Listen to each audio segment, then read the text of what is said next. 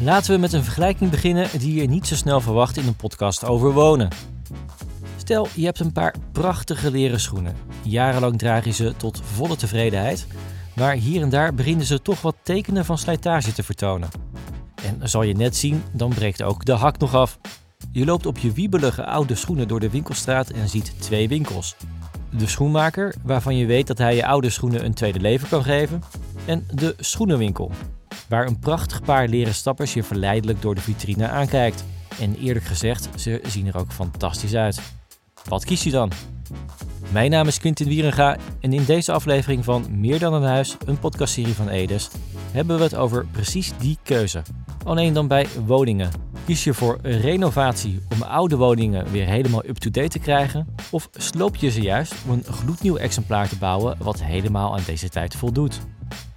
En over dit vraagstuk spreek ik in deze aflevering met Sander Heinsman, bestuursvoorzitter bij woningcorporatie Portaal, en André Thompson, emeritus hoogleraar woningverbetering en woningbeheer en ook voorzitter van de Stichting Landelijk Ondersteuningsteam Sloopbedreigde Bouwwerken en Buurten, of afgekort de LOSB. Ik ga eerst bij hem langs. Hij pleitte het afgelopen jaar op een moratorium, dus een verbod op sloop. En hij heeft daar ook tal van argumenten voor. Straks meer daarover, maar laten we eerst kijken naar wie nu de grootste slopers zijn. Wat bij mij altijd een, uh, een belangrijk punt is, en daarom ben ik blij ook met dit gesprek. Wij weten ongeveer in Nederland wat, waarom gesloopt wordt. Ik heb daar zelf, heb ik daar een, een, een alweer een, een, jaar of tien geleden onderzoek naar gedaan. En dan zie je dat de meeste sloop in Nederland gedaan wordt door woningcorporaties. De sloopkans van een sociale huurwoning is ten opzichte van het gemiddelde in Nederland is verreweg het hoogste. En de sloopkans van een sociale huurwoning ten opzichte van bijvoorbeeld een koopwoning, een rijtjeshuis, ligt zo ontzettend veel uit elkaar dat het er niet eens meer een waarde aan te geven is. Jaarlijks gaat het dan om zo'n 11.000 woningen die worden gesloopt, waarvan zo'n 9.000 door corporaties. Dat is voor een deel ook wel te verklaren. Want zie maar eens alle particulieren van de straat met rijtjeswoningen over te halen om de boel te slopen voor nieuwbouw. Dat gaat je simpelweg niet lukken. Maar het roept wel de vraag op: als particuliere woningen niet gesloopt worden, waarom die van corporaties dan wel? We hebben ook onderzocht hoe het komt dat er zoveel in de sociale huursector gesloopt wordt. Ik moet zeggen dat de sloopcijfers dus in de afgelopen decennium wel gedaald zijn. Zijn niet meer zo hoog als het in het, het vorige decennium waren. Ehm, toen werden er, het meeste wat er gesloopt werd, was uh, vroeg naoorlogse sociale huurwoningen. Ehm, wat je nu ziet, dat er heel veel gesloopt wordt, dat zijn het restant van wat er nog in de sociale huursector als vooroorlogse sociale huurwoningen zijn. Dat zijn bijna allemaal monumenten. Voor zover het niet formele monumenten zijn. Er is in de, in de, in de jaren 80 en 90 is er zoveel van gesloopt dat het er nog maar heel weinig zijn. Uh, hoe komt dat? Woningcoöperaties maken met gemeentes afspraken over nieuwbouw. En het grootste probleem er dan bij is vervolgens, waar vinden we de grond voor die nieuwbouw? Um, uh, uitbreidingsgrond is maar heel weinig. Uh, grond in bestaansstedelijk gebied is hartstikke duur. Dus dan kijkt men naar het eigen bezit. Dat is wel nieuwbouw, die dus gelabeld wordt als er is woningnood en wij hebben meer woningen nodig. Vaak gebeurt het dat er niet of nauwelijks of zelfs minder nieuwe woningen neergezet worden dan er stonden. Dan begin je af te vragen waar zijn we mee bezig. Het is een belangrijk punt voor zijn moratorium. De woningnood is zo hoog dat we elke woning nodig hebben. Je kunt het je simpelweg in deze tijd niet veroorloven om een woning die ook te renoveren is, nu te slopen, zegt hij. Toch slopen vrijwel alle corporaties woningen. Portaal is daarop geen uitzondering. De corporatie heeft ruim 50.000 woningen in de regio's Leiden, Utrecht, Eemland, Arnhem en Nijmegen. De afgelopen vijf jaar sloopten ze iets meer dan 400 oude woningen. Maar ze bouwden ook bijna 2000 nieuwe woningen, waardoor de nettobalans dus rond de 1600 extra woningen ligt. Bij de keus tussen sloopnieuwbouw en renovatie wil Portaal het per gebouw en per wijk bekijken, zegt Sander Heinsman. Al ziet hij wel een trend. Nou, ik, ik zie wel in de praktijk dat we vroeger veel meer sloopten en dat we ook vaak sloopplannen hadden. Uh, als ik bijvoorbeeld kijk naar Overvecht, hadden we ruim tien jaar geleden was daar het plan om daar een heel, heel groot deel van de tien hoogflats inderdaad te slopen en daar nieuwbouw voor terug te plaatsen. En daar is wel echt een kentering in uh, gekomen. Je ziet dat nu veel meer gekeken wordt naar de mogelijkheden die renovatie biedt. En dat is denk ik A, omdat renovatie meer mogelijkheden biedt. En slopen heel veel effect dus ook onder andere op de bewoner heeft.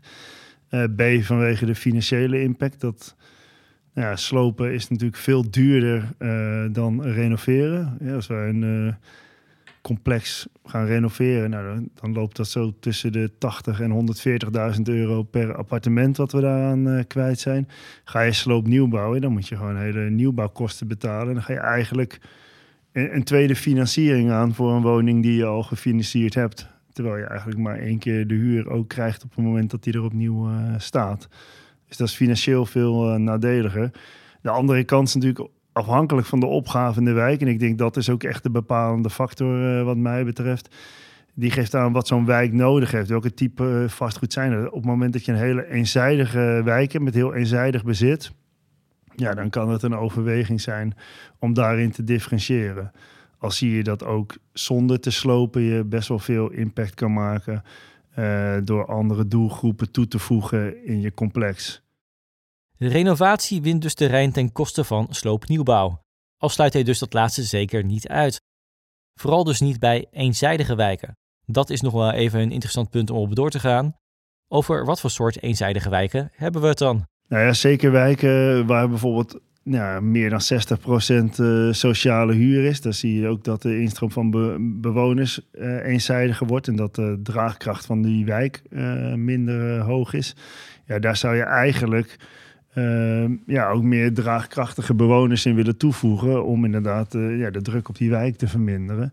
En juist in dat soort wijken kan het interessant zijn om ook andere type vastgoed uh, neer te zetten. Zodat eigenlijk voor elk moment in je wooncarrière en in die woonladder er een plek is om te wonen, om te wonen in zo'n wijk. En dat je dus niet weg hoeft uit die wijk op het moment dat je een stap wil maken in je wooncarrière.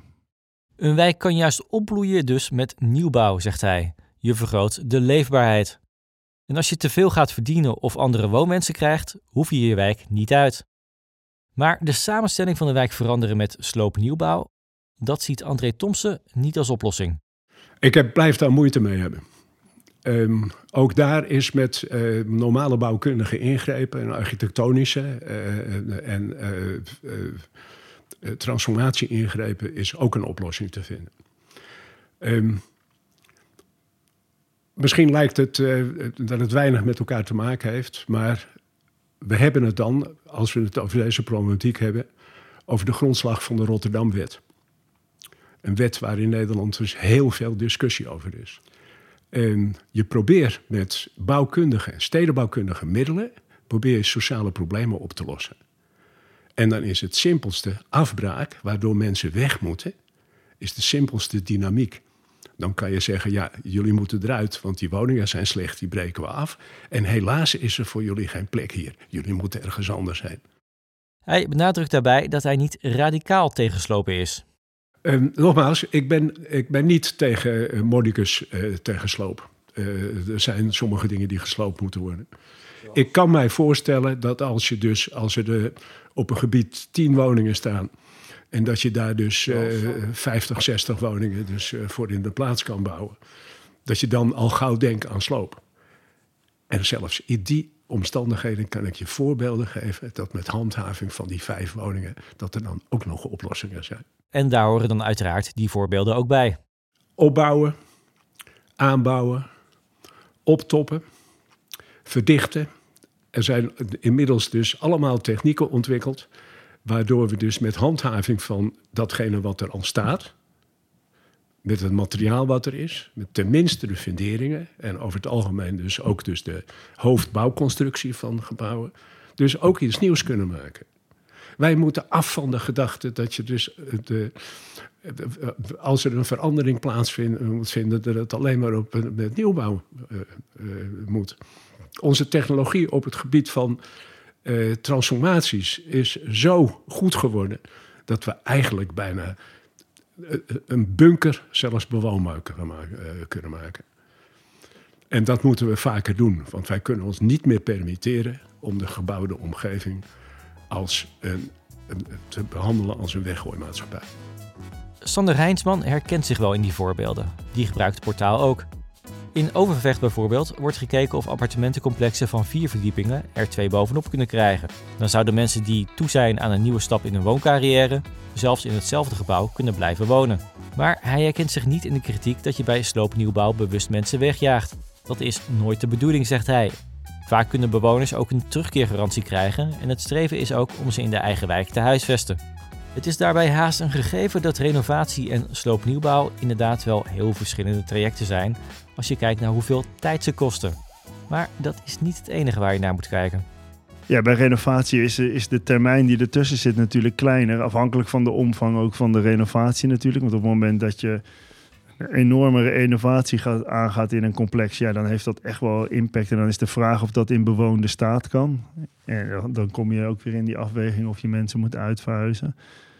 Ik denk eigenlijk dat je ongeacht uh, sloopnieuwbouw of renovatie heel veel mogelijkheden hebt. Uh, om te kijken hoe je mensen uh, in een wijk en een buurt gehuisvest kunt houden. En dat je dus altijd even daar overheen moet kijken. Dus niet naar het complex wat voor ligt, maar echt naar de wijk en de buurt en de opgave die daar ligt. Kijk naar de huurder, kijk naar de wijk en bepaal dan wat nodig is, zegt hij. dus het maakt ook echt uit in welke wijk of buurtje. Dat doet wel dan een complex in uh, Leiden waar we nu mee bezig zijn. Uh, waar we 100 woningen gesloopt hebben en daar gaan we 200 uh, eh, sociale huurappartementen terugbouwen. We hebben een hele discussie gehad of het financieel wel haalbaar was om uh, daar die sociale huur terug te bouwen. En of we daar van het financieel perspectief niet een deel meer de huur moesten toevoegen. Uiteindelijk hebben we daar de afweging gemaakt dat juist in die wijk staat al relatief veel middenhuur. Gezegd, ja, dat heeft hier eigenlijk niet zoveel zin. Dus laten we dan kijken op een andere plek in de stad, waar juist heel veel dominant sociaal uh, bezit is, om daar wat meer de huur toe te voegen. En zo maak je eigenlijk in allebei de plekken een, sprong. Uh, in de leefbaarheid, eh, terwijl je eigenlijk geen mensen de wijk uitjaagt. In dat sloopnieuwbouwproject in Leiden wil Portaal juist proberen om de leefbaarheid in de wijk te verbeteren, door daar ook expliciet op te sturen in het ontwerp van de gebouwen.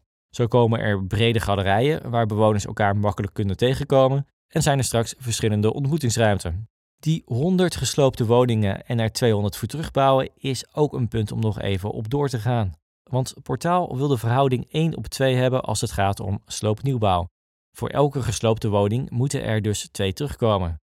De vraag is dan, lukt dat ook? Want ja, een buurt kan gaan dwars liggen bij meer sociale huur, een gemeenteraad kan de plannen blokkeren, of de gemeente zelf zegt, ja, mooie plannen, maar maak ze toch maar iets minder groot, omdat mensen ook moeten kunnen parkeren.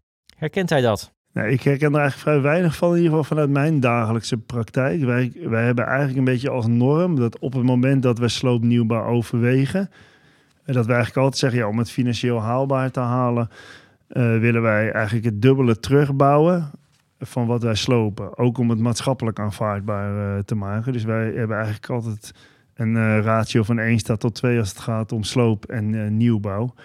En die weten we tot op heden ook redelijk te realiseren. Ik herken wel overigens het verhaal wat je schetst over de opstapeling van eisen die er vervolgens komt. En ook over het gebouwd parkeren of het parkeren, wat uh, enorme meerkosten met zich meebrengt.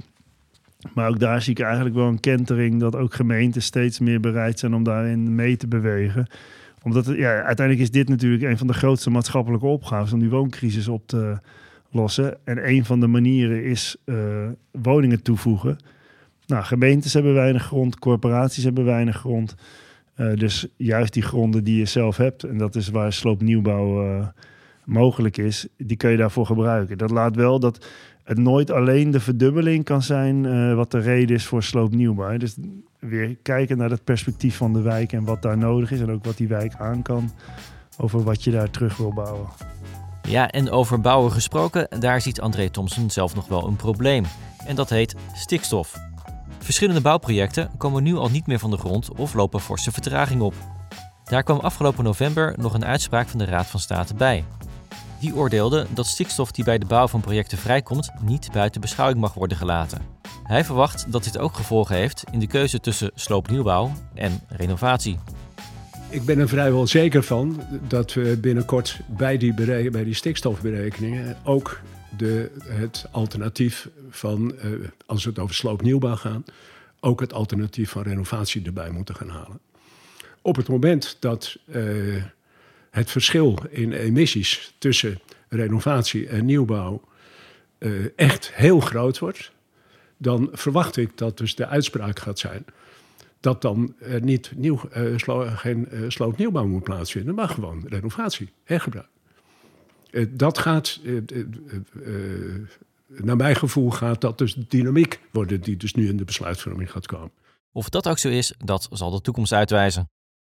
Het zijn tot nu toe twee verschillende meningen met ook wel de nodige gemeenschappelijke grond, zoals dus inderdaad die grote woonopgave die er ligt.